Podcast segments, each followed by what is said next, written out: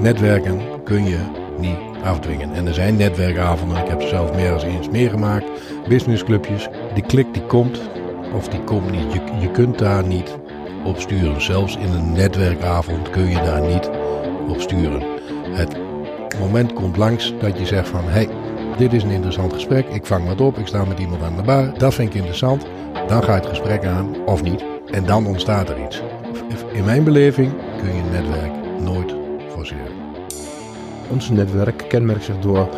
We hebben misschien niet zo'n breed netwerk zoals het lijkt, maar wel een diep netwerk. En daardoor, als je een diep netwerk hebt, verschillende verseringen erin, creëer je automatisch weer een breed netwerk. Omdat we elkaar dat gunnen en elkaar daarin, ik wil een half staan en wil een bijstaan.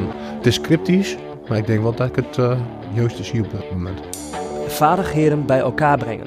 En dat voelt een beetje zo als bijvoorbeeld ook de band heel veel van die jongens waar ik samen muziek mee maak, eigenlijk iedereen heeft andere vaardigheden. Iedereen draagt zijn deel bij. Ik veel aan de ondernemerkant. En zo laat je iets groeien. En dat heb ik hier, dat gevoel heb ik hier uh, in deze constellatie ook. Dat iedereen iets inbrengt wat de andere misschien net niet op die manier in kan brengen. Zodat je heel sterk opgesteld bent.